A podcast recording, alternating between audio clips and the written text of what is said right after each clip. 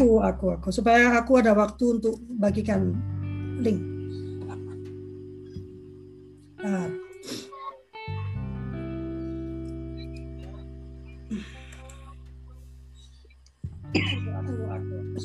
Berat hari ini. Oke, okay. uh, eh, kita mulai ya. Selamat pagi eh, teman-teman uh, semua. Selamat hari Senin. Ya, kita memang sengaja melakukannya di Senin pagi karena Teh Yanti entah di mana hari ini dia dari tadi di WhatsApp nggak jawab-jawab. Uh, ingin mengubah jadi I love Monday. Ya, kita semua menikmati hari Senin ya. Uh, uh, pagi ini uh, kita akan ditemani oleh Lovely memperkenalkan diri sendiri dan kita akan bicara sebenarnya ini adalah pertanyaan yang disampaikan oleh sahabat saya yang baru meninggal dunia uh, ingat gak Ci waktu kita live Instagram kan ada yang bertanya apakah anak ikut orang tua atau orang tua itu ya itu uh, sahabatku itu yang bertanya oh iya iya pertanyaan terakhir ya iya iya pendeta Joshua Pitoy iya Uh, dan menurut saya pertanyaan itu menarik gitu. Uh, um, apakah anak ikut uh, orang tua atau orang tua ikut anak? Dan makin ke sini makin saya melihat orang tua ikut anak. Uh, uh, ya bukan sebaliknya. Uh, atau sebaliknya gitu ya. Dan kita akan serahkan ke uh, Cik Meli yang sedang sibuk menjahit. Mak-mak kali kau. ya, silakan Cik Meli Lovely membagikan link dulu. Oke, okay, uh, eh, selamat pagi. Senang sekali kita ketemu lagi ya. Saya terus terang aja uh, entah kenapa saya juga mengalami suatu kebosanan ya, kebosanan apalagi saya tuh kadang-kadang kalau menurut teman-teman saya yang di psikologi itu sebenarnya saya ini kayak orang apa? Saya tuh ADHD gitu loh mestinya gitu ya.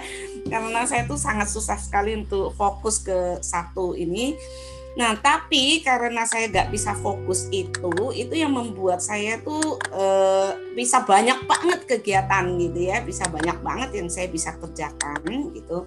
Dan itu tentunya tidak mudah, tapi e, harus saya lakukan gitu. Salah satunya misalnya saya sambil saya sambil ngomong bisa sambil menjahit gitu ya, saya bisa melakukan banyak hal. Jadi yang kadang-kadang rumah bisa berantakan karena saya pegang ini terus saya pikiran sana, saya pegang ini terus saya pikiran ke sana, dan itu tidak mudah gitu. Uh, terima kasih banyak Lovely. Ini pertanyaan Lovely sebenarnya menarik banget ya. Kalau kita bicara tentang uh, pola asuh, kita saya senang sekali apa yang disampaikan oleh Profesor Renal Ghazali gitu bahwa setiap manus, setiap orang itu ada masanya dan setiap masa itu ada orangnya ya. Jadi sekarang kita nggak bisa bilang itu salah atau benar ya termasuk uh, saya tuh selalu kalau ada apa pun ya saya selalu introspeksi ke dalam diri saya gitu ya. Nah dulu saya seperti apa? Ketika relation saya sama orang tua saya seperti apa gitu. Nah tuh sekarang saya membangun relationnya seperti apa? Nah ini pertanyaannya yang uh, akan disampaikan apa dalam judul yang mau di sharing oleh Lovely ini sebenarnya menjadi menarik saya nggak bisa mengatakan bahwa oh sekarang saya lebih menurut anak-anak gitu. Atau anak-anak yang tetap harus menurut saya gitu. Itu nggak mudah gitu ya.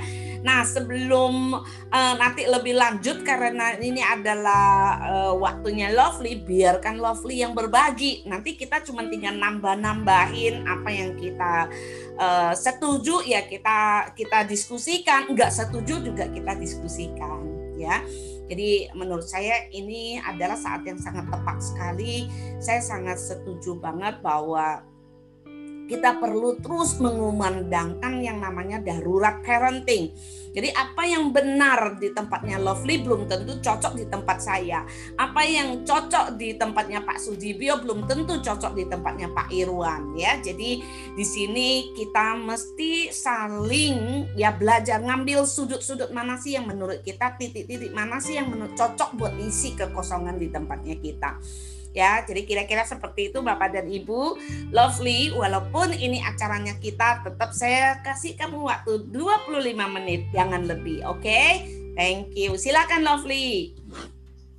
Ya, nyebarinnya belum selesai. ya, selamat pagi teman-teman. Saya mau mempraktekkan apa yang tadi Cik Meli sampaikan. Jadi sambil ngomong sambil membagikan. Jangan merasa sedih ya. Soalnya kan kalau kita kalau kalau kita ngomong sama suami, kita ngomong sama anak, terus anaknya sambil melakukan lain kan, anak papa aku lagi ngomong ini kamu ngeliatnya ke mana? Gitu kan. Kalau dulu tuh mantan suamiku bilang karena aku mendengarkan kamu pakai telinga bukan pakai mata katanya. Gak mindful banget ada excuse di sini ya. Gak mindful amat gitu kan. Iya. Ya Ya pagi ini uh, pagi yang berat buat saya sebetulnya karena pagi ini sahabat saya akan dimakamkan. Tapi seperti yang selalu diajarkan uh, bahwa di dalam keyakinan kami ini bukan perpisahan, ini adalah perpisahan sementara karena kami akan bertemu di Yerusalem yang baru. Jadi itu yang sedang saya praktekkan. Ternyata lebih berat gitu mempraktekannya kalau itu orang yang sangat dekat dengan kita gitu kan. Kalau kalau yang belum itu kan kita bisa ngomong ya dengan orang enggak apa-apa, kita akan bertemu kembali karena janji Tuhan demikian adanya. Tapi waktu itu orang terdekat ternyata sangat sulit ya. Tapi saya akan berusaha melanjutkan legasinya gitu kan karena itulah orang tetap hidup ya ya Ci itu kenapa ada ada pramu, pramu, Pramudia Anantatur berkata menulislah agar kau abadi, ya kan? Maka yeah. saya akan mengabadikan beliau. Saya mau belajar menulis tentang apa perjalanan saya dengan beliau, perjalanan iman. Ya, pagi ini kita mau bicara tentang sebetulnya orang tua ikut anak atau anak ikut orang tua sih Nah, gitu ya. Ini pertanyaan yang yang sering sering ditanyakan ke saya gitu kan. Uh, uh, tapi menariknya yang sering saya temui sekarang uh, saat saya mengelola homeschooling ya, terutama ya, uh, orang tua ikut anak gitu. Saking kita sayangnya sama anak kita, uh, kita tidak mau sama sekali membuat dia berusaha ya. Jadi hmm. apa pun yang yang diinginkan anak itu dipenuhi gitu kan. Bahkan dari kecil gitu kan. Kalau saya bilang e, jangan dikasih uh, gadget gitu. Aduh kak kalau nggak dikasih kak itu bakal ngamuk kak. Dia bakal nangis harian pusing kepala saya kak. Itu nggak bisa. Nanti dia sakit kak. Nanti dan beragam excuse lainnya uh, yang diberikan oleh orang tua gitu ya. Hmm. ya uh, sehingga uh, yang terjadi adalah uh, saya sekarang dalam konteks homeschooling sulit sekali berbicara dengan orang tua untuk mem membuat satu habit-habit yang diperlukan pada saat um, pada saat uh, anak harus melakukan pembelajaran karena kalau homeschooling itu kan uh, uh, apa mandiri ya pembelajarannya anak harus uh, apa harus mandiri dalam melaksanakannya. Nah, menurut saya seperti yang saya sampaikan saya nggak akan nggak sampai 20 menit mungkin ya supaya kita banyak diskusi ya. Hubungan antara orang tua dan anak hubungan dengan siapa pun menurut saya. Karena hubungan itu kalau menurut saya tidak bisa dipilah-pilah. Oh ini hubungan dengan anak ini hubungan dengan uh, suami ini sehingga berbeda. Menurut saya yang namanya ilmu hubungan itu ya cuma satu gitu kan yaitu penghormatan gitu ya. Jadi uh, penghargaan dan penghormatan atas satu sama lain. Hubungan itu tidak bicara relasi kuasa. Karena pada saat kita bertanya siapa ikut siapa itu kita sedang menggambarkan relasi kuasa. Siapa yang berkuasa atas siapa, gitu hmm. kan? Hmm. Apakah anak yang berkuasa atas orang tuanya sehingga semua yang dia mau harus dituruti atau orang tua berkuasa atas anaknya sehingga apa pun yang dikatakan orang tua itu anak wajib mengikuti. Nah, ini sebetulnya masa lalu. Cuman yang mau saya ingatkan bahwa saat kita mendidik anak, saat kita menjadi orang tua, ada tugas yang kita emban kita mempersiapkan anak kita, oh bunda kok bisa hadir? Jadi sebetulnya Cimeli ini waktunya Bunda Baiti, tapi karena Bunda Baiti tiba-tiba katanya harus pergi, nah uh, Lovely lah yang menggantikan karena tidak mungkin mencari pengganti di waktu yang mepet gitu ya. Ternyata bundanya hadir di pagi ini. ya, uh, jadi ada dua kewajiban besar yang dilakukan, yang harus dilakukan orang tua gitu kan dalam konteks dia mendidik anaknya. Dia mempersiapkan mental fisik um, mental anaknya untuk kehidupannya di masa depan tapi dia juga menyiapkan fisik anaknya untuk kehidupannya di masa depan. Nah kebanyakan dari kita pada saat anak itu bahkan di usia yang sangat muda kita hanya memperhatikan persiapan fisik dan itu tidak bisa disalahkan karena fisiklah yang paling tampak terutama pada saat anak kita kecil. Wah, dulu Pak yang saya yang paling sering gini ya. Ih, anaknya kok kurus amat ya. Habis mamanya kegemukan sih, uang pasti makanannya habis buat mamanya ya. Itu dulu tuh ya. Paling sering saya dengar itu ya karena memang mamanya selalu belum pernah langsing sejak melahirkan ya. Dan uh, selalu saja yang diperhatikan itu terlupakan apakah bagaimana anak saya bertanya, bagaimana anak saya bereaksi atas apa yang dia lihat gitu kan, bagaimana anak saya uh, apa uh, uh, bersikap itu oh no kalau bersikap paling gampang ya. Karena sikap yang diharapkan adalah sikap yang diam saja yang tidak banyak ngomong gitu ya. Itu sikap anak yang baik katanya.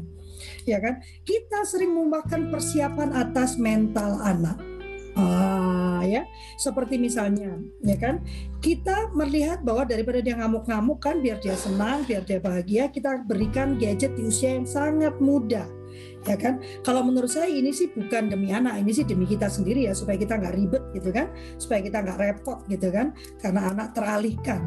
Tapi kita tidak sadar bahwa di umur 0 sampai 2 tahun diberikan gadget itu maka eh, banyak sekali yang kita hancurkan gitu kan kita menghancurkan kemampuan uh, motorik kasarnya motorik halusnya sosial emosinya dan juga bahasanya. Seringkali saya ketemu anak-anak yang uh, telat berbicara bicara karena ternyata setelah diusut-usut uh, ternyata dia dari kecil sudah diberi gadget. Sehingga dia tidak bisa berbicara bayangkan ya, uh, dipikirkan nggak apa-apa kak. Nanti kan dia bisa bahasa Inggris. Ya bukan itu juga ya gitu ya. ya bukan bukan gadget yang membuat dia bisa berbahasa Inggris gitu ya. Yang ada dia uh, ekolali. Dia hanya mengulang-ulang kata yang dia dengar tanpa memahami. Dan juga dia tidak bisa mengendalikan emosinya. Dulu anak saya kan yang nomor satu memang uh, dalam spektrum autis ya. Itu tampak sekali. Uh, bukan gadget ya. Dia nonton TV aja dia nonton TV lebih dari setengah jam atau uh, tanpa jeda, satu jam aja tanpa jeda, maka hari itu saya akan sangat kerepotan karena dia akan sulit mengendalikan hiperaktifnya. Jadi dia akan banyak bergerak dan ngamuknya itu uh, apa uh, lebih mudah daripada kalau dia saya tahan untuk hanya menonton film TV mungkin uh, setengah jam berhenti setengah jam berhenti gitu ya. Uh, uh, tapi kalau saya biarkan dia, misalnya saya sibuk ya, biarkan dia satu jam uh, kelewatan gitu ya, uh, maka saya akan kesulitan sekali untuk untuk melakukan untuk untuk meng, uh, memanage perilaku dia. Saya tadinya nggak paham, ternyata waktu saya baca memang hanya hanya apa uh, hanya hanya uh, hanya boleh setengah jam gitu, seperempat jam malah ya, setengah jam itu sudah cukup lama katanya. Nah ini yang saat ini ini tidak dipahami, dipahami oleh orang tua. Nah makanya saya selalu mengatakan parenting itu menurut saya sebuah ilmu gitu ya. Parenting itu bukan sebuah keniscayaan gitu, bukan sebuah sesuatu yang kita lakukan berdasarkan feeling kita gitu. Karena kita perlu mengetahui apa sebenarnya yang terjadi dalam kehidupan anak-anak kita sehingga kita bisa membantu dia. Nah balik lagi ke relasi kuasa ya, di dalam kita kita menemani anak-anak kita, kita memang uh, membantu dia untuk sehat ya secara fisik ya kan? Secara fisik. Tapi kita melupakan aspek-aspek uh, mentalnya aspek psikologisnya. Sehingga kita uh, tidak memperhatikan letupan-letupan emosi ya. Misalnya perkataan bahwa anak ikut siapa siapa yang patuh itu sebetulnya kan pertanyaan klasik karena kita tidak memahami bahwa anak memang akan melewati masa-masa di mana dia memang harus ya dalam tanda kutip dia memang harus melawan. Dia memang harus bukan melawan ya dia memang harus dalam tanda kutip membantah mempertanyakan. Itu adalah bagian dari dia melatih kemampuan dia mengamati dunia ini dan belajar. Karena engkau tidak akan belajar apabila engkau tidak punya pertanyaan. Jadi misalnya nih uh, teman-teman yang hadir di sini pasti waktu membaca judul ada pertanyaan gitu kan. Kalau tidak ada pertanyaan yang muncul dari judul yang saya berikan, teman-teman tidak akan mungkin hadir di sini karena tidak ada gunanya, gitu kan. Itulah kenapa anak-anak itu bosan di sekolah Karena tidak muncul pertanyaan sudah diberi pengetahuan. Jadi pada saat tidak ada pertanyaan, tidak ada minat, pengetahuan tidak akan masuk gitu kan. Nah, sehingga pada saat anak-anak masih kecil, dia itu banyak bertanya, dia sedang melakukan exercising. Bagaimana sih cara bertanya? Bagaimana saya mengatur pola pikiran saya sehingga pertanyaan saya itu berubah menjadi pengetahuan bukan berubah menjadi pertengkaran gitu kan. Nah, andai kan kita tahu ini, kita sudah menyiapkan itu, maka saya justru bingung kalau saya ketemu anak yang manut-manut aja gitu kan. Saya katakan sama orang tuanya buat saya justru ini yang membingungkan saya. Tapi makin banyak dia bertanya, maka akan makin luas saya bisa memberikan dia, kita bisa memberikan pengetahuan. Karena dia akan terus ngecek kan dan dari situ kita bantu dia untuk menyusun, menstrukturkan apa yang menjadi pemikiran dia. Sehingga tidak ada itu kata uh, siapa ikut siapa gitu. Karena yang ada adalah bagaimana kita menemani anak kita makin mengembangkan kemampuannya untuk berpikir, kemampuannya untuk mengambil keputusannya sendiri. Kemarin yang uh, bulan lalu saya berbicara tentang membesarkan manusia pembuat keputusan. Kita tidak akan kita tidak bisa memberikan langkah how to kepada anak gini kalau ngambil keputusan. Satu, ya, kamu pikir dulu yang benar. Biasanya kan gitu kan orang tua kan dipikir dulu yang benar, ditimbang-timbang dulu yang benar sudah enggak gitu. Tapi tidak dibiasakan dalam kehidupan dia untuk mengambil langkah-langkah, mengambil keputusan. Keputusan itu tidak lompat ke keputusan besar. Yang namanya keputusan itu adalah apa pun yang kita lakukan hari ini. Bahkan pagi ini, tadi pagi waktu bangun sebetulnya saya masih malas sekali ya. Kesedihan tuh masih begitu kuat. Apalagi hari ini beliau akan dimakamkan ya. Dan saya tidak bisa hadir di pemakaman beliau. Sementara beliau itu selalu hadir dalam kondisi duka saya ya. Dalam saya sedang berduka beliau selalu hadir dan yang selalu dia lakukan katakan gini kalau sedang susah sister nggak usah banyak mikir. Ayo kita melayani saja. Lalu dia jemput saya dan kita pergi melayani ke satu tempat gitu kan supaya tidak penuh pikiran kita dengan kesedihan. Maka tadi pagi saya bangun saya memutuskan oke okay, saya akan melayani pagi ini. Saya akan tetap berbicara. Sebetulnya uh, saya punya teman-teman hebat. Saya bisa ngomong sama Cimeli. Atau Cimeli kayaknya hari ini Lovely nggak sanggup Cik Meli saja yang berbicara. Dan saya yakin Cik Meli akan dengan senang hati uh, membantu karena memang begitulah kami bertiga ya. Kalau salah satu sedang dalam uh, apa dalam kesulitan kami mengcover gitu. Tapi hari ini saya memutuskan tidak. Jadi kehidupan kita itu selalu dipenuhi dengan keputusan-keputusan. Bukan cuman hari ini Lovely mau kerja di mana? Hari ini Lovely mau kuliah apa? Karena itulah yang kita berikan pada anak tapi keputusan-keputusan harian dia tidak kita berikan. Karena ada pertanyaan itu tadi, ini ini yang berkuasa saya atau dia? Siapa yang ikut siapa? Siapa yang patuh pada siapa? Apakah saya yang patuh pada anak saya atau anak saya yang patuh pada saya? Pada akhirnya karena kita tidak pernah melatih dia untuk uh, menyampaikan apa yang dia pikirkan, maka yang terjadi adalah dalam tanda kutip pertengkaran. Menjadi debat bukan diskusi. Dan makin besar anak kita, dia makin punya power, ya kan? Kalau masih kecil ditekan masih bisa. Kalau badannya makin besar, yang ada orang tua yang ditekan oleh anak dan saya melihat beberapa keluarga yang seperti itu, begitu kan? Tapi yang benar adalah karena konteksnya adalah menyiapkan anak secara fisik dan mental untuk kehidupannya di masa depan, melatih keterampilan dia mengambil keputusan, melatih keterampilan dia untuk melihat mana yang baik untuk dia, mana yang tidak baik untuk dia atau tidak baik untuk keluarganya kelak karena kelak dia akan berkeluarga, maka setiap kali kita hendak memutuskan maka yang dinyatakan oleh hak anak menyertakan anak dalam kehidupannya itu menjadi masuk akal itu bukan menjadi sesuatu yang dipaksakan dalam kehidupan kita, tapi itu sesuatu yang make sense gitu. Karena kita mau melatih dia hidup mandiri di depan ke depannya karena bagaimanapun ya ini teman saya ini baru 34 tahun gitu kan. Tapi saya sudah berpikir bahwa satu hari nanti saya akan mati. Itu sudah pasti. Kita semua pasti mati gitu kan pasti meninggal pasti meninggalkan dunia ini dan kita semua dalam benak semua orang pasti yang dipikirkan kalau saya nanti sudah tidak ada sanggupkah anak saya hidup tanpa saya benar Nah, itu yang harus selalu ada dalam benak kita waktu kita hendak melakukan sesuatu pada anak kita. Kita sedang menyiapkan dia untuk kehidupan di mana nanti kita tidak bisa dan tidak boleh ikut campur dalam kehidupannya.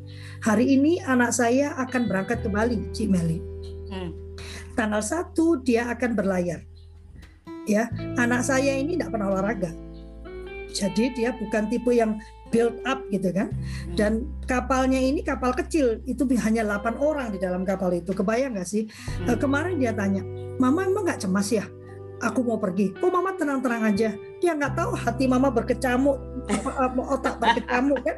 Ya kan? Tapi saya katakan karena ini adalah sesuatu yang luar biasa buat kamu. Ini pengalaman yang luar biasa buat kamu. Maka mama harus merendahkan diri. Ini bukan tentang mama. Kalau mama maunya sih di rumah aja gitu ya. Kelihatan hmm. sehat aman gitu kan. Tapi ya. kan bukan itu gitu kan. Nah ini yang harus selalu ada dalam benak kita bahwa kita itu uh, menyiapkan dia untuk kehidupannya nanti di saat tidak ada kita lagi.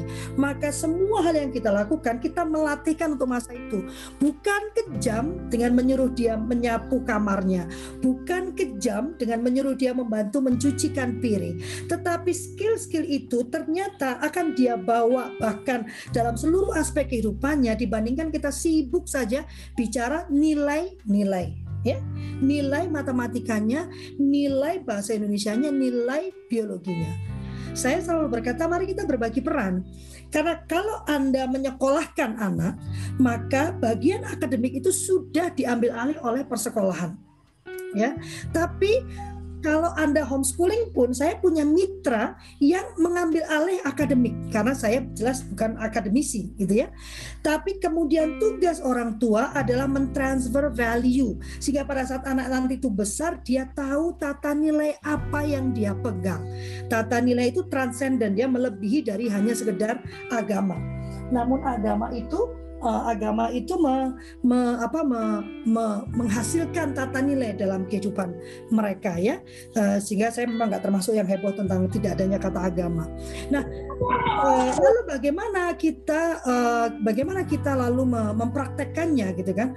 Mempraktekannya mudah sebenarnya dalam kehidupan sehari-hari itu selalu demikian adanya gitu kan? Kita libatkan dia dalam semua keputusan hidupnya bahkan sampai sekecil mau makan apa, mau uh, pakai baju apa hari ini ya. Itu yang kita libatkan dari awal dan dilakukan dengan menyenangkan bukan? Jadi kamu hari ini mau pakai apa? Cepetan. Mama mau pergi nih. Kamu mau pakai apa? Cepat bilang sama mama. Apa yang mau dipakai gitu kan? Tapi dengan uh, dengan menyenangkan. Maka pelatihan pelatihan itu uh, akan sangat akan apa akan diterima anak dengan baik gitu ya. Nah hmm uh, repot. Oh ya repot. Segala sesuatu tentang parenting itu memang seharusnya repot. Karena kita sudah mengambil uh, uh, apa mengambil sebuah tanggung jawab ya uh, yang diberikan oleh Tuhan untuk menyiapkan makhluk yang dia cintai ini menjadi makhluk yang sesuai dia inginkan ya rahmatan lil alamin gitu kan. Orang tidak akan bisa menjadi rahmat kalau dia tidak tahu apa tugas dia di, di dunia ini dan dia tidak bisa membawa dirinya di dalam dunia ini. Begitu? Uh, dan sehingga kalau kita nanti bicara tentang uh, bicara tentang apa uh, re, uh, relasi antara orang tua dan anak maka ini bukan bicara relasi kuasa. Ini adalah relasi perlindungan Nah ini ya, sering kali teman-teman juga kalau melihat kebijakan pemerintah, memandangnya adalah berkuasa. Siapa berkuasa atas siapa? gitu kan. Jadi akhirnya bentuknya adalah protes gitu. Saya mandiri, terutama teman-teman yang melakukan homeschooling ya, karena homeschooling tunggal saya juga tunggal ya. Saya nggak mau diatur-atur dong. Orang saya yang bikin kok uang saya sendiri kok gitu kan, ya kan. Tapi kalau kita melihat kebijakan itu adalah sebuah relasi perlindungan, maka approach kita akan berbeda. Sama dengan kita melihat dengan anak kita. Apa pun yang kita lakukan pada anak kita, relasinya itu adalah perlindungan. Perlindungan supaya dia bisa berkembang sesuai dengan uh, tahapan perkembangannya. Supaya dia tetap bisa menjadi bahagia karena bahagia itu adalah hak setiap anak ya. Ke, ke, ke, ke, ke apa kesempatan buat dia untuk berkembang untuk bahagia untuk bertumbuh itu hak dia. Bukan yang diberikan oleh konvensi hak anak tapi itu adalah hak yang diberikan oleh penciptanya.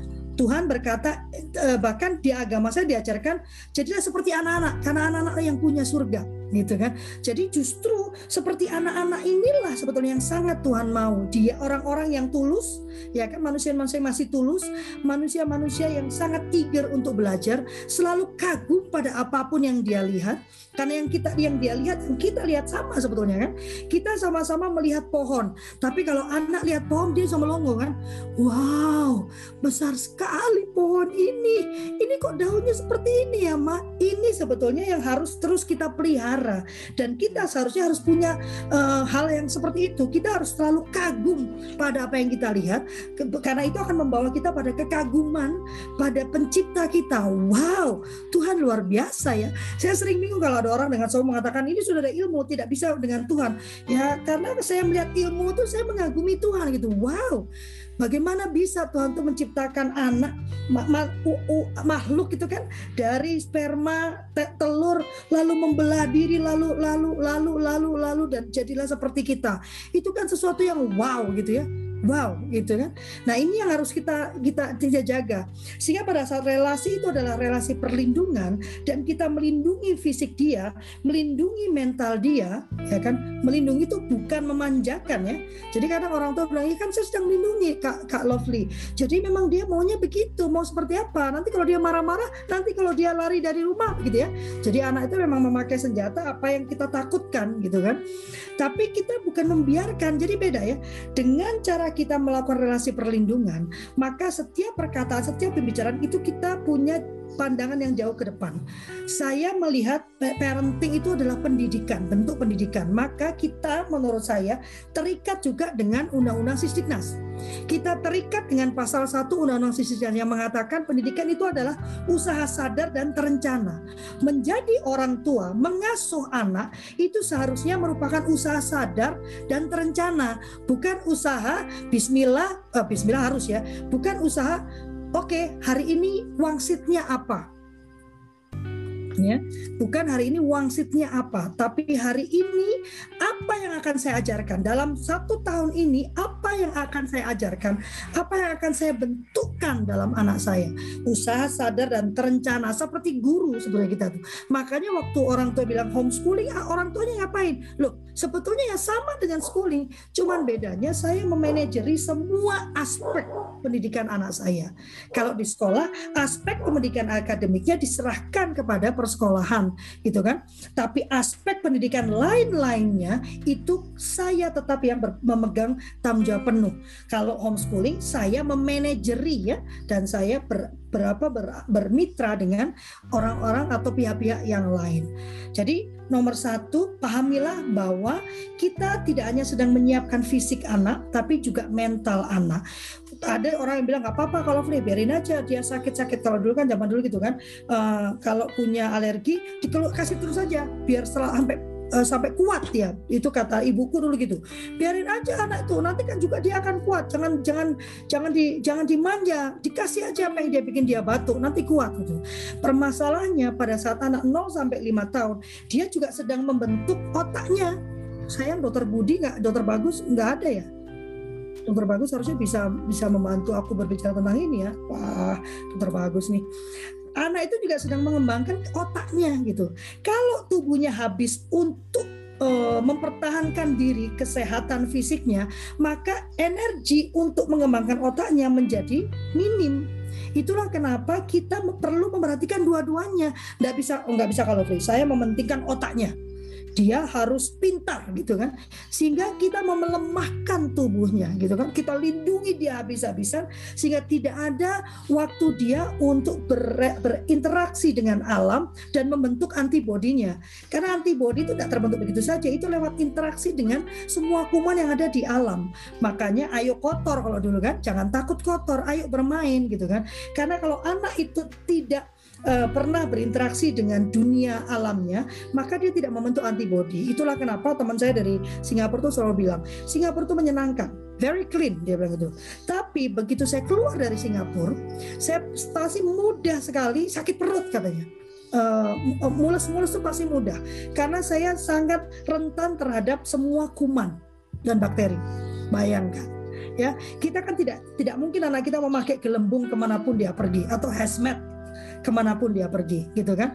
Uh, tapi dia perlu berinteraksi. Makanya kalau sekarang kan lagi virusnya seperti itu, makanya saya bilang anak saya nggak usah pakai masker deh, biar dia eh, berinteraksi. Enggak gitu juga ya, tidak dengan kondisi ekstrim ya.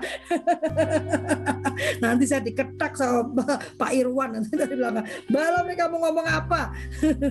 tapi perlu untuk anak berinteraksi dengan alam di sekitarnya. Terus sekali-sekali keluar tanpa pakai sepatu gitu kan. Sekali-sekali bermain di uh, di pasir, di taman ya kan. Yang penting setelah itu uh, cuci tangan, setelah itu dimandikan, dibersihkan. Nah, itu yang yang perlu kita perhatikan supaya dia juga membentuk antibodinya, dia juga membentuk pola pikirnya, membentuk mentalnya dan dia menjadi manusia yang utuh, yang punya fisik yang kuat, tidak saya tidak menyatakan sempurna ya karena kesempurnaan itu hanya milik Tuhan ya. Dia menjadi manusia yang utuh. Fisiknya dia utuh eh, baik gitu kan kuat eh, tapi mentalnya juga siap menghadapi kehidupannya. Itu aja Cik udah 37 Oke, terima kasih banyak Kak Lovely. Ini uh, kita bicara tentang parenting siapa sih uh, anak ikut orang tua atau orang tua ikut anak ya. Jadi saya rasa uh, cukup jelas gitu ya bahwa uh, Kak Lofi menegaskan bahwa ini bukan bicara tentang relasi kuasa. Kalau misalnya kalau orang tua ikut anak, kelihatannya anak yang berkuasa pada orang tua. Tapi kalau misalnya uh, orang tua apa anak yang ikut orang tua berarti orang tuanya yang berkuasa.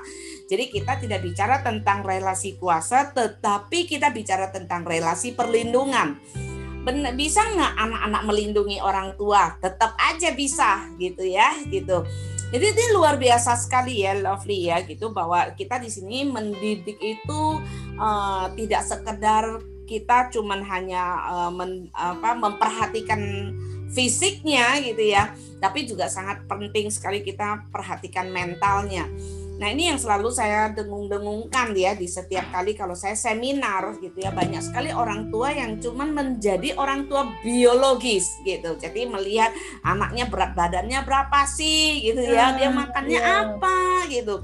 Kalau yeah. ditanya kalau udah bikin PR belum gitu, yeah. itu selalu yang yang bisa dilihat itu yang diperhatikan. Tapi pernah nggak sih kita bertanya sama anak kita bagaimana perasaannya di sekolah hari ini, apa yang sedang terjadi pada diri kamu nak, gitu ya? Gitu. Jadi, nah kesadaran-kesadaran ini yang menurut saya sangat penting sekali untuk kita munculkan. Ya, Lovely, saya juga uh, banyak bicara sama anak-anak remaja anak-anak remaja selalu saya tanyakan kalau ada sesuatu mau nggak bicara sama orang tua kamu gitu ya. Rata-rata jawabnya tidak ya. Tidak itu bukan dengan tidak aja katanya percuma karena orang tua bukan uh, tempat yang asik untuk dia uh, ajak ngobrol.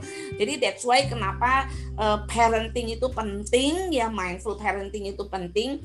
Nggak usah bicara tentang yang jauh lovely ya, nggak usah bilang yang jauh uh, saya beberapa satu dua minggu ini saya ngobrol sama anak saya. Karena apa? Setelah saya bangun satu program yang ngobrol dua generasi ya generasi X sama generasi yang Y gitu ya ngobrol dua generasi setiap Selasa lovely saya punya program hmm. itu.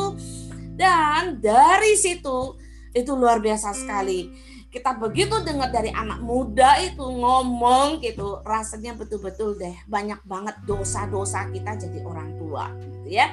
Tapi kita juga punya kesempatan untuk mengatakan apa yang kita rasakan dan akhirnya anak itu baru nyadar oh ternyata orang tua yang saya maksud tuh ternyata nggak sama nih dengan yang saya rasakan apa yang saya dapatkan di sini Nah akibatnya jadi akhirnya kami sepakat gitu ya bahwa orang tua sama anak-anak itu perlu e, membangun kembali ya ya komunikasi-komunikasi yang baik gitu. Jadi tidak tidak bilang siapa yang lebih berkuasa. Saya senang sekali Lovely. Jadi sekarang saya juga dapatin satu notesnya bahwa relasi per, perlindungan itu tadi.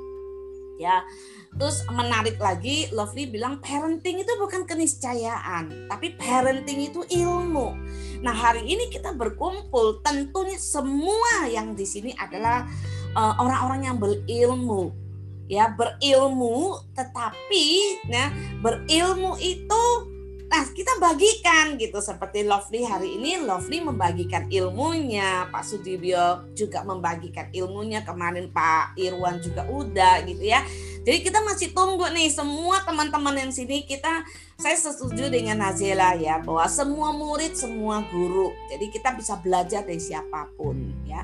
Oke, nah kita udah banyak banget dapat dari dari Lovely bagaimana menjadi orang tua yang sadar dan terencana. Nah, tentunya pasti banyak banget pengalaman-pengalaman yang mungkin sesuai dengan apa yang sudah dipraktekkan oleh Kak Lovely ataupun ada yang mau menambahkan untuk menyempurnakan supaya Kak Lovely, saya dan Kak Yanti bisa belajar lebih banyak lagi. Silakan siapa yang mau nambahin, siapa yang mau bertanya silakan.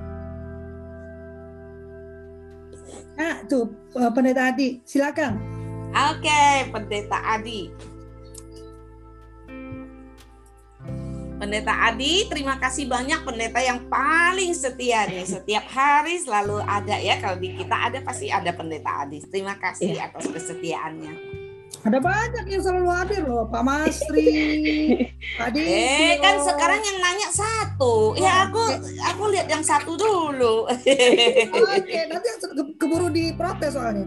Uh, Oke, okay. jangan protes-protes. Parenting itu belajar sabar. Oke, okay, silakan. Ya, terima kasih.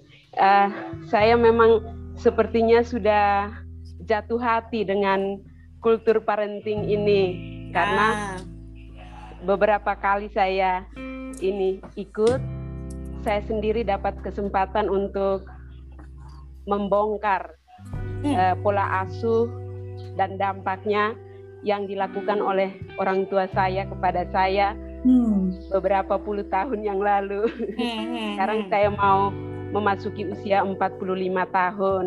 Hmm. Jadi saya betul-betul menikmati kultur parenting ini sambil saya kilas balik uh, apa yang sudah dilakukan oleh orang tua saya. Uh, ya. Papa mama sudah meninggal dunia dan tapi juga ada kesempatan untuk saya melihat lagi akan pola asuh yang sementara saya dan suami praktekkan kepada anak-anak. Hmm. Kami punya tiga orang anak, usia yang kakak mau 14 tahun, hmm. adik yang kedua 11 tahun, dan yang bungsu 5 tahun. Hmm. Itu belum terlambat saya. ya? Ya, sehingga ada sejumlah perasaan yang berkecamuk di dalam hati saya ketika saya mengikuti uh, kultur parenting. Dan pagi ini saya senang sekali dengan apa yang Bu Lovely katakan tentang relasi kuasa. Saya kadang berpikir, Artinya ketika saya melihat cara suami saya berespon kepada anak-anak, cara saya berespon kepada anak-anak, saya sempat berpikir, kalau dengan atasan kita, kita bisa mengendalikan diri. Tapi kalau anak-anak kita, kadang kita sulit untuk mengendalikan diri. Ya, Dan pagi ini saya temukan jawabannya. Ya. ya, saya temukan jawabannya bahwa pola relasi kuasa itu yang sementara sadar atau tidak sadar uh, kami praktekkan. Hmm. Ini juga berkaitan dengan budaya suku-suku di NTT, hmm. di mana budaya patriarki itu melekat kuat sehingga pola relasi kuasa antara laki-laki dan perempuan itu uh, nyata di dalam lingkup yang paling kecil yaitu lingkup keluarga. Mungkin ya. ini sedikit refleksi saya pagi ini, Bu Lovely. Kami juga turut berduka cita karena kedukaan ini dan saya juga sementara belajar menjadi seorang konselor pastoral dan betapa kehilangannya kita kalau kita uh, mengalami duka berhubungan dengan orang-orang dekat kita. Kami mendoakan supaya Ibu Lovely juga cepat pulih dari kedukaan ini. Amin. Terima kasih. Ya, amin. Ya, okay. yang meninggal tuh pendeta saya, pendeta Adi. Jadi, ya, ya. Terima kasih banyak ya eh, pendeta Adi. Itu satu pengakuan yang sangat jujur sekali, gitu ya. Jadi kita tidak usah merasa bersalah karena sekali lagi apa pun yang dilakukan oleh orang tua kita karena ketidakpengetahuannya mereka dan tidak ada sekolah untuk menjadi orang tua ya. Nah, sekarang kenapa kita perlu menjadi orang tua yang mindful ya, orang tua yang sadar bahwa this is a happy moment. Lakukan apa yang kita bisa sekarang ini dengan memperbaikinya belajar dari Kak Lovely, belajar dari siapa pun untuk memperbaiki diri. Tapi uh, yang saya sangat uh, tekankan di sini adalah ilmu sebagus apa pun tanpa praktek itu akan sia-sia. Jadi kembalilah ke rumah dan praktekkan dan nanti ceritakan kepada kami dan ceritakan kepada orang di sekitarnya bahwa apa yang dilakukan oleh kultur parenting ini betul-betul membawa manfaat dan ajak kalau perlu semua orang NTT itu tiap pagi suruh kerubun di sini ya. Oke, terima kasih. Ada lagi yang mau bertanya? Aku Atau mau, mau nambahin juga boleh. Jadi nggak selalu harus bertanya. dulu boleh nggak? Ah? Aku mau nanggapin dulu boleh nggak? Oh ya oke okay, silakan. Iya, jadi uh, kita memang tidak akan ini secara secara tradisional relasi antara suami istri itu relasi kuasa secara tradisional ya kan sehingga saya tidak menyalahkan kalau pada waktu kita melihat anak sulit bagi kita melihatnya tidak sebagai relasi kuasa karena begitulah kehidupan kita gitu kan. Uh, dengan suami ya memang kuasa kan patuh ya. Uh, semua Alkitab mengatakan kita harus patuh. Tapi patuh itu relasinya adalah perlindungan. Anak patuh pada orang tua karena ada relasi perlindungan gitu. Bukan relasi kuasa. Jadi ini yang mesti kita ubah ya eh, paradigma berpikirnya.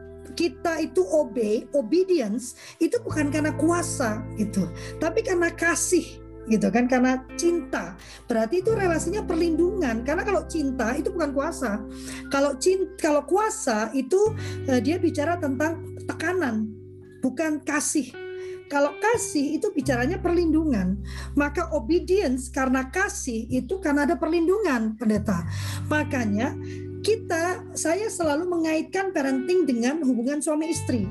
Walaupun saya belum bersuami lagi, eh, penekanannya pada kata lagi ya, eh, eh, karena kalau relasi antara suami istri itu masih belum tepat, ya belum harmonis, maka sulit saya meminta keluarga itu untuk melakukan parenting yang benar pada dua pada anak-anaknya. Maka selalu yang saya contohkan adalah relasi antara suami istri. Misalnya kalau Cik Meli kan ngomongnya mindful parenting itu kan kalau bicara be there ya, pandang, ya kan, pandang anaknya, perhatikan. Tidak akan bisa kita melakukan itu kalau suami kita kalau diajak ngomong tuh atau kita diajak ngomong suami nggak bisa gitu. Jadi hadir ya. dulu dengan suami gitu. Supaya suami juga berubah. Nanti kalau misalnya gini tapi suami saya keras kepala nggak apa-apa kan dikatakan lakukan pada orang lain apa yang kau ingin orang lain lakukan padamu kan? Jadi jangan nuntut dulu lakukan dulu. Dengarkan dengan sesama kalau suami bicara gitu kan? Nanti kalau udah uh, nanti kalau pas lagi jangan hari itu juga ya kapan ngobrol pi kalau aku ngomong sama kamu terus aku memandang wajahmu gitu kan perhatianku penuh ke kamu papi gimana rasanya ya, ya seneng lah mi mana ada orang mau nah coba kalau papi melakukan itu juga ke mami. Aduh, mami rasa juga senang sekali. So it's all about how we communicate. Bagaimana kita menyampaikan gitu kan? Ya kan? Kopo ya kopo. Memang jangan jangan disalahkan. Karena demikianlah dia ditumbuhkan. Tapi kita buka wawasannya ada sesuatu yang baru loh, yang menyenangkan loh. Dan itu yang kita berikan pada anak. Saya selalu bilang kalau pagi-pagi suami bilang sama ibu, aduh istriku yang dipilihkan oleh surga, cantik sekali pagi ini. Kata orang-orang, oh kalau ini lebay. Eh, tapi menyenangkan kan? Coba kalau anak bangun pagi, eh anak mama yang ganteng sudah bangun. Apa kabar? Boleh dicek anak saya ya. Anak saya sering melakukan itu sampai dia bilang mama gak usah lebay, biasa aja kali. Gitu kan? Tapi kan menyenangkan itu dilakukan kan? Eh anak mama sayang I love you ya apa kabar? Tadi mimpi apa sayang? Gitu ya kan? It's it's nice gitu kan? Dan kita perlu memberikan rasa yang menyenangkan itu supaya hari itu bisa dilalui dengan baik. Bunda Agus silakan terima kasih Mbak Lovely terima kasih ya baru nyepi baru bisa gabung. Terima kasih Bunda Agus. Terima kasih Bu Meli, keren banget ya uh, nambah ilmunya. Uh, satu pertanyaan nih, nggak uh, tahu satu atau nambah lagi. Biasanya satu berapa lagi? Silakan, silakan. Jadi udah dipaparkan sama Mbak Lovely, keren banget ya. Uh, yang terjadi dalam kehidupan sehari-hari itu kan memang uh, menselaraskan ya, menselaraskan antara suami dan istri. Yes. Nah, uh, terus itu tentunya perlu masing-masing memiliki awareness kesadaran pada oh, diri. Yes. Nah, yes. terus uh, kuncinya ini kan memang di, di perempuan. Nah, bagaimana nih katakanlah begitu kan terkait dengan kesadaran tadi menselaraskan kedua belah pihak karena kan kalau kita ngomongin ideal di dalam dunia ini nggak pernah ada yang ideal kan gitu. Tapi minimal gitu ya uh, bagaimana tips uh, untuk menyelaraskan apakah uh, perempuan yang mengambil sikap untuk katakanlah uh, legowo untuk mendominasi bahwa uh, karena kalau nunggu pasangan kita gitu ya nggak akan action nih gitu loh apakah uh, kita perempuanlah yang berinisiatif itu untuk katakanlah ya sudah bahwa memang perempuan itu harus pada posisi yang katakanlah uh, siap untuk menerima segala keadaan. gitu. ya deh kita. Karena uh, pernah dengar tuh, uh, ya bukan pernah dengar ya, uh, pernah membaca salah satu tulisan nggak tahu nih penulisnya siapa ya. Jadi uh, perempuan itu berasa uh, apa? Perempuan itu harus siap dengan posisi serba salah kan begitu. Terus uh, perempuan itu dituntut untuk memeluk kekurangan dan aib keluarga. Kasian banget ya jadi nah, perempuan. Perempuan ya. itu dituntut oleh cerdas dan selalu menarik. Kan begitu. Terus perempuan itu juga dituntut sempurna menjadi bidadari suami dan madrasah pertama bagi keturunannya. Nah kan semua itu kayaknya kok aduh kalau kita ngomongin kan perempuan perempuan perempuan kan begitu ya. Terus uh, hal itu mungkin masuk akal dan berlaku ideal bagi suami, tapi bagi istri kayaknya kok Sengsara, bagaimana? Ya. Jadi, okay. jadi uh, bagaimana nih uh, menyiasati dan menselaraskan kondisi tersebut? Terima kasih Mbak Lovely, Mbak. Terima Mbak kasih Mbak banyak Bu Agus ya. Pertanyaannya berat ya. Pertanyaannya berat, tapi berat, ini ya. bapak-bapaknya ngangguk-ngangguk deh dosa banget aku gitu ya. Iya, iya. Ini, Tapi nggak apa-apa. Ini adalah suara perempuan ya, betul. suara perempuan Lovely yang saya pikir uh, Pak uh, Bu Agus telah mewakili banyak perempuan ya. Jadi that's why kenapa sering sekali ya Lovely kan kita hmm. selalu ngomong bahwa parenting ini bisa jalan kalau bapak-bapaknya jalan duluan. Itu akan mempercepat dibandingkan dengan perempuan.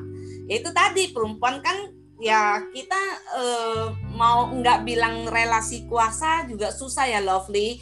Karena kita nggak bisa bicara tentang keadaan ideal yang kita mau tetapi kita harus melihat kenyataannya gitu. Jadi uh, saya setuju. Nah nanti saya akan tambahin tapi saya serahkan kepada lovely untuk menjawab dulu.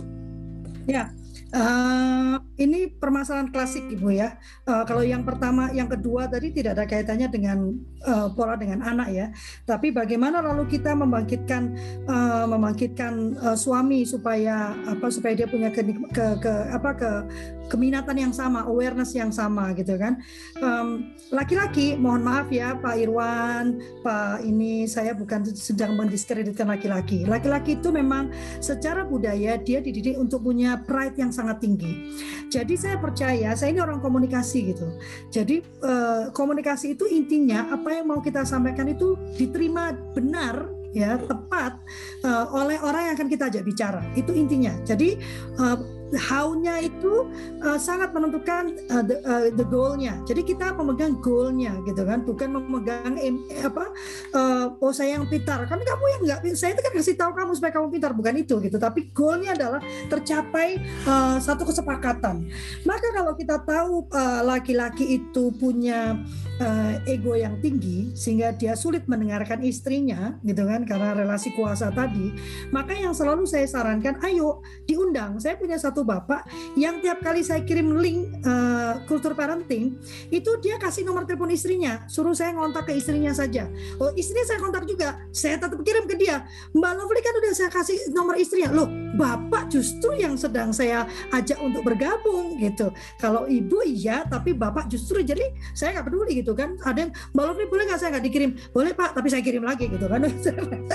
Sampai saya diblok beberapa orang. Tidak apa-apa diblok karena saya memberikan kebaikan ya nggak apa-apa gitu gitu kan ya caranya bagikan ini gitu kan saya tidak suka tidak suka tidak suka memaksa tapi saya mengkondisikan kalau link ini teman-teman bagikan terus-menerus, coba lihat ya.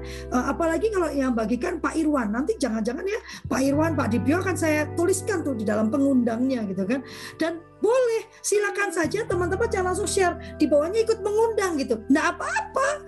Ini bukan gerakan Lovely, Meli, dan Yanti kok. Kami bertiga ini punya kegelisahan yang sama gitu kan. Ini bukan tempat buat Meli, Yanti, dan Lovely untuk mencari nama. Karena Teh Yanti, Cik Meli namanya udah cukup besar. Lovely badannya doang yang besar gitu kan. Tapi bukan nama juga yang dicari. Ini adalah sebuah gerakan karena kegelisahan kami. Monggo dibagikan. Yang kedua, yang pertanyaan kedua ini uh, yang saya tahu yang saya tahu itu uh, apa di dalam semua Alkitab saya membaca dua-duanya itu berimbang sebetulnya. Dia tidak hanya berbicara tuntutan kepada perempuan tapi tuntutan kepada laki-laki pun sebetulnya besar. Saya percaya bahwa semua yang dituliskan di dalam Alkitab itu bahwa bagaimana perempuan itu quote unquote seharusnya itu ada karena Alkitab itu kan transenden ya, dia memandang ke depan.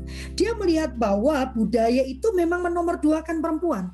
Sehingga Alkitab itu sebenarnya sedang mengkonfirmasi kita bahwa kamu itu perempuan, kamu itu kuat. Kamu hai perempuan, kamu itu pintar. Hai perempuan, kamu itu uh, apa? Kamu itu luar biasa. Makanya dalam dua Alkitab ah, paling tidak Al-Quran dan dan Injil ditekankan kepatuhan perempuan kepada suaminya. Karena saking kuatnya kita saking pintarnya kita gitu loh. Maka yang ditekankan pada kita adalah kepatuhan. Ya kan? Kalau laki-laki karena secara budaya dia dibuat logis ya kan, dia menjadi penguasa gitu kan. Maka yang ditekankan padanya adalah cintai istrimu gitu kan. Yang ditekankan adalah cinta, yaitu penyeimbang sebetulnya. Jadi Alkitab itu sudah luar biasa. Dua-duanya ya, saya bicara Quran, saya bicara Injil, itu dua-duanya luar biasa. Lalu bagaimana? Kita harus menyadari dan ini harus kita hentikan siklus ini harus kita hentikan. Kita menyadari bahwa suami-suami kita ini adalah produk masa lalu. Dan di dalam produk masa lalu itu, laki-laki sudah diberi peran tertentu. Saya luar biasa bangga dan bahagia. Ada Pak Irwan, ada Pak Dipyo, ya kan? Ada uh, apa? Pak Bagus yang ikut, ada Pak Masri, ada Dokter siapa? Uh, Dokter Trigun, gitu kan? Yang menyadari benar perannya sebagai ayah tapi sebagian besar tadi Cek Meli bilang faktanya tidak sadar. Karena pola didiknya mengatakan laki-laki itu ya cari duit. Gitu kan? Memberikan kenyamanan bagi keluarga. Dia tidak menjaga uh, apa kondisi fisik atau mental keluarganya. Dia tidak menjadi hadir dalam anak-anaknya. Nah kita harus satu pada suami itu perlu memberi kesempatan dia. Ini judulnya ya. Jangan melakukan kesalahan yang saya lakukan. Saya melakukan kesalahan ini jadi uh, apa uh, kita harus memberi kesempatan suami kita untuk belajar menjadi sejatinya laki-laki yang Tuhan inginkan. Bagaimana memberi kesempatan belajar sama dengan anak? Kita harus memberi kesempatan dia untuk berbuat salah dulu, untuk merenungi kesalahannya dan mengambil tindakan kesalahan saya yang paling utama dulu adalah karena tadi seperti uh, Bunda Agus sampaikan, ih nggak bergerak-gerak, aduh ini keselak, aduh akhirnya semuanya saya ambil alih. karena memang dari kecil kan kalau kita dari kecil sudah diajarkan harus mengambil keputusan, harus ini, harus ini. Laki-laki kan cuma difokuskan pada bekerja, bekerja, bekerja gitu kan. Sehingga keputusan ini dia tidak terlatih gitu kan. Nah, kita mengetahui bahwa itu salah, mengetahui bahwa itu kurang tepat, kita harus memberi kesempatan pada para suami ini untuk belajar, untuk unlearn and then learn. Karena kan dia sudah belajar, dia sudah tahu, dia harus unlearn. Dia harus bukan ini loh harusnya, harusnya begini. Ada orang-orang yang bergantung pada saya untuk mengambil keputusan. Mungkin nanti Pak Irwan bisa memperkuat ya, karena ini versinya harus versi laki-laki kan, gitu kan. Sehingga nanti kita akan mendewasa bersama-sama. Nah, karena kita sudah melihat kepincangan itu dalam hubungan kita dengan suami, ya kan? Apa-apa yang membuat kita jadi tidak nyaman, maka jangan kita ulangi atau kita teruskan siklus ini pada anak-anak laki-laki kita gitu kan. Anak-anak laki kita harus dibesarkan dalam lingkungan yang berbeda dengan pemahaman yang berbeda sehingga nanti pada saat dia siap menjadi ayah, dia benar-benar menjadi ayah, bukan menjadi ayah yang kita oke okay, kita layani tapi di belakang kita ngomel-ngomel gitu kan. Dulu saya sempat uh, ngobrol sama mantan suami saya kan karena pengalaman ya kalau nenek kakek gitu kan, kalau udah tua gitu kan, kalau saya dulu nenek saya kalau saya pulang itu kan pasti nenek saya manggil tuh sibuk ngomel tentang kakek saya. Mbahmu itu ya Wah ini Mbak Putri kan sudah capek. Tapi gini saya bilang sama mantan suami saya waktu itu, saya begitu mencintai kamu, saya tidak mau akhir cinta saya pada kamu itu adalah ngomel terus tentang kamu gitu kan. Tidak puas terus dengan semua apa yang kamu lakukan. Jadi kita perlu berpikir tuh nanti pada saat kita sudah tua dan kita sama-sama lelah apa yang akan kita lakukan? Bagaimana kita menciptakan lingkungan kita supaya kalau anak datang tuh aku tidak habiskan dengan ngomel tentang apa yang kamu tidak lakukan atau yang kamu buat saya lakukan. Saya rasa saya nggak mau mengakhiri cinta kita tuh dengan noda yang begitu besar. Eh ternyata berakhir ya 11 tahun yang lalu tapi itu ada dalam pemikiran saya gitu. Dan ini perlu kita sampaikan pada anak-anak kita. Silakan, Ci. Oke, okay, lovely. Kayaknya nih waktunya juga udah habis ya. Uh... mau nanya tuh apakah ada waktu, Kak? ya, jadi gini, waktunya udah habis. Oke, okay, oke, okay. Bu Halimah, sebentar aja ya Bu Halimah, jangan terlalu panjang ya. Silakan. Baik, Kak. Selamat pagi. Pagi, Bu. Uh... Selamat pagi. uh, ini kak uh, relasi suami memang kuasa kak ya. Hmm. Uh, ketika kita berpisah dengan suami, anak ini ada yang ikut ibu, ada yang ikut ayah seperti itu. Uh, relasi kasih sayang atau perlindungan yang diberikan oleh seorang ibu untuk anak-anaknya uh, ini apa sudah cukup kalau menurut saya Uh, tetapi mereka yang diinginkan orang tua seorang ibu itu adalah anak-anaknya tumbuh sehat baik secara fisik atau mentalnya. Namun lingkungan di sekitar kurang mendukung dikarenakan sistem yang ada. Terus apa kiat-kiat kita sebagai seorang ibu sekaligus seorang ayah yang menginginkan putra-putrinya tumbuh menjadi generasi yang mempunyai peradaban yang mulia.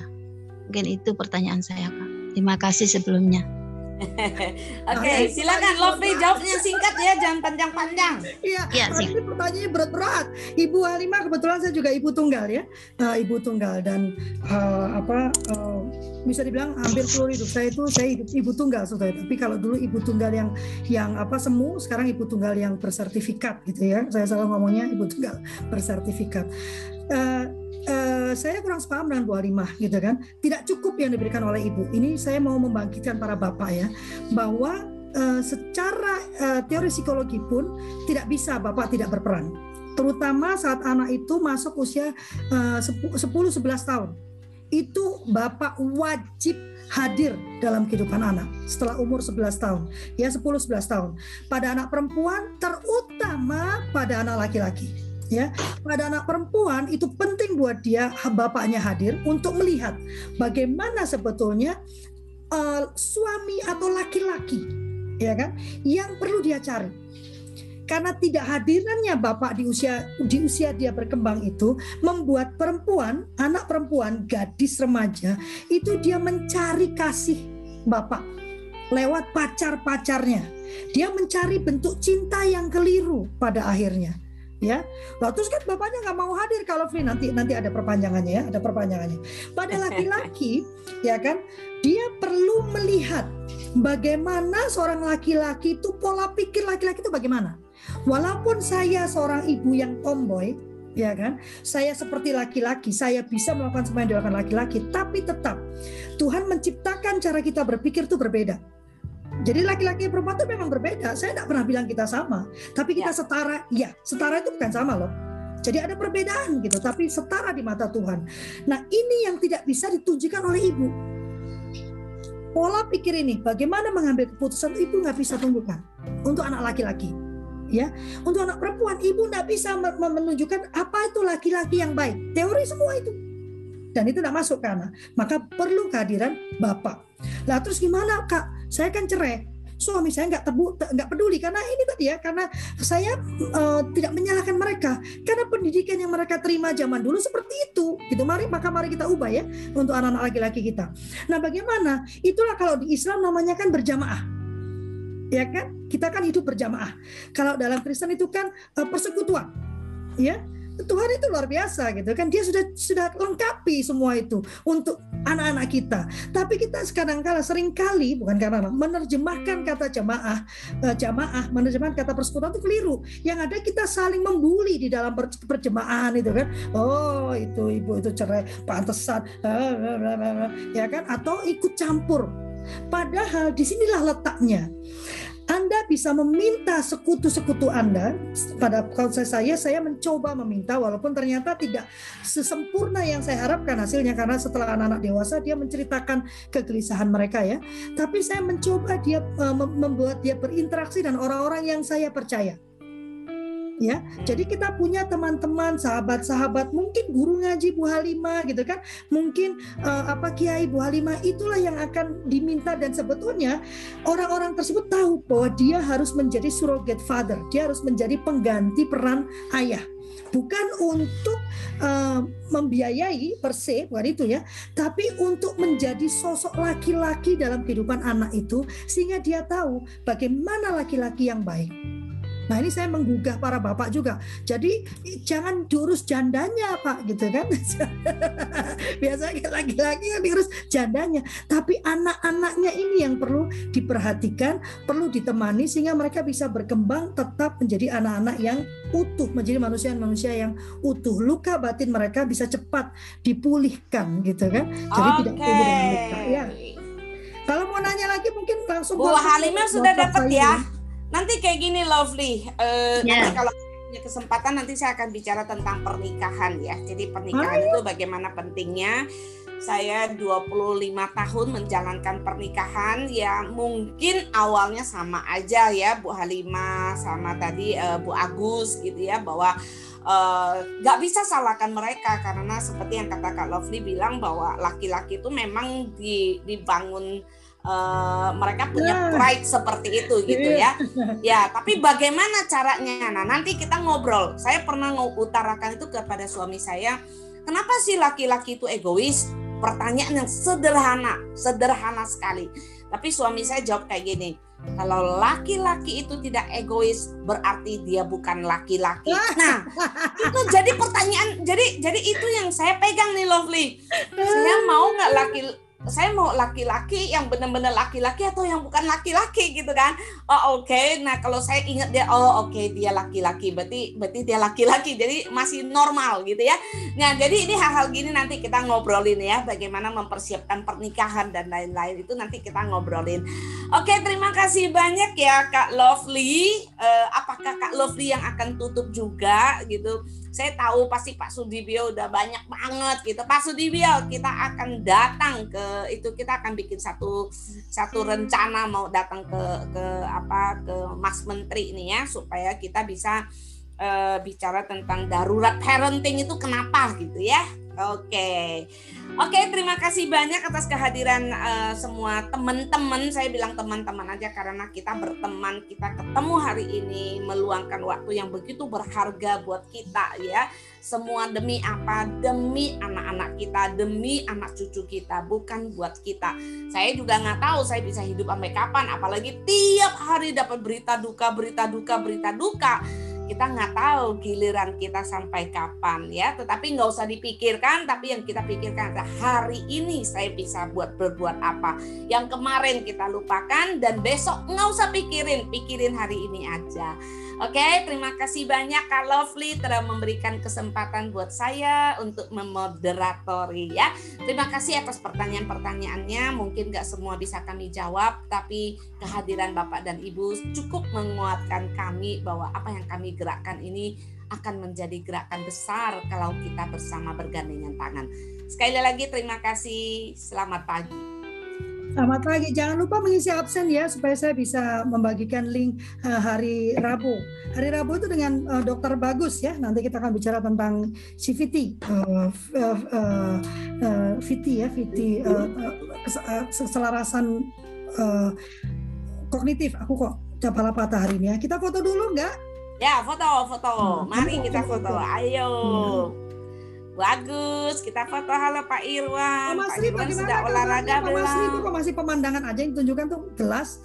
Siapa? Ya nih Mbak, ini masih isolasi. Ah, kemarin oh. masih positif hasilnya. Oh, isolasinya di atas genteng Pak. ini di rooftop ini. Oh, keren. Jauh tuh ada gunung Gunung Singgalang dan Gunung Gunung Merapi gitu, ada kelihatan. Oh. Ah. Sambil berjemur pagi hari. Ya kirim salam sama gunungnya ya Pak. Jangan-jangan selesai isolasi tuh ciri tanning dia kan?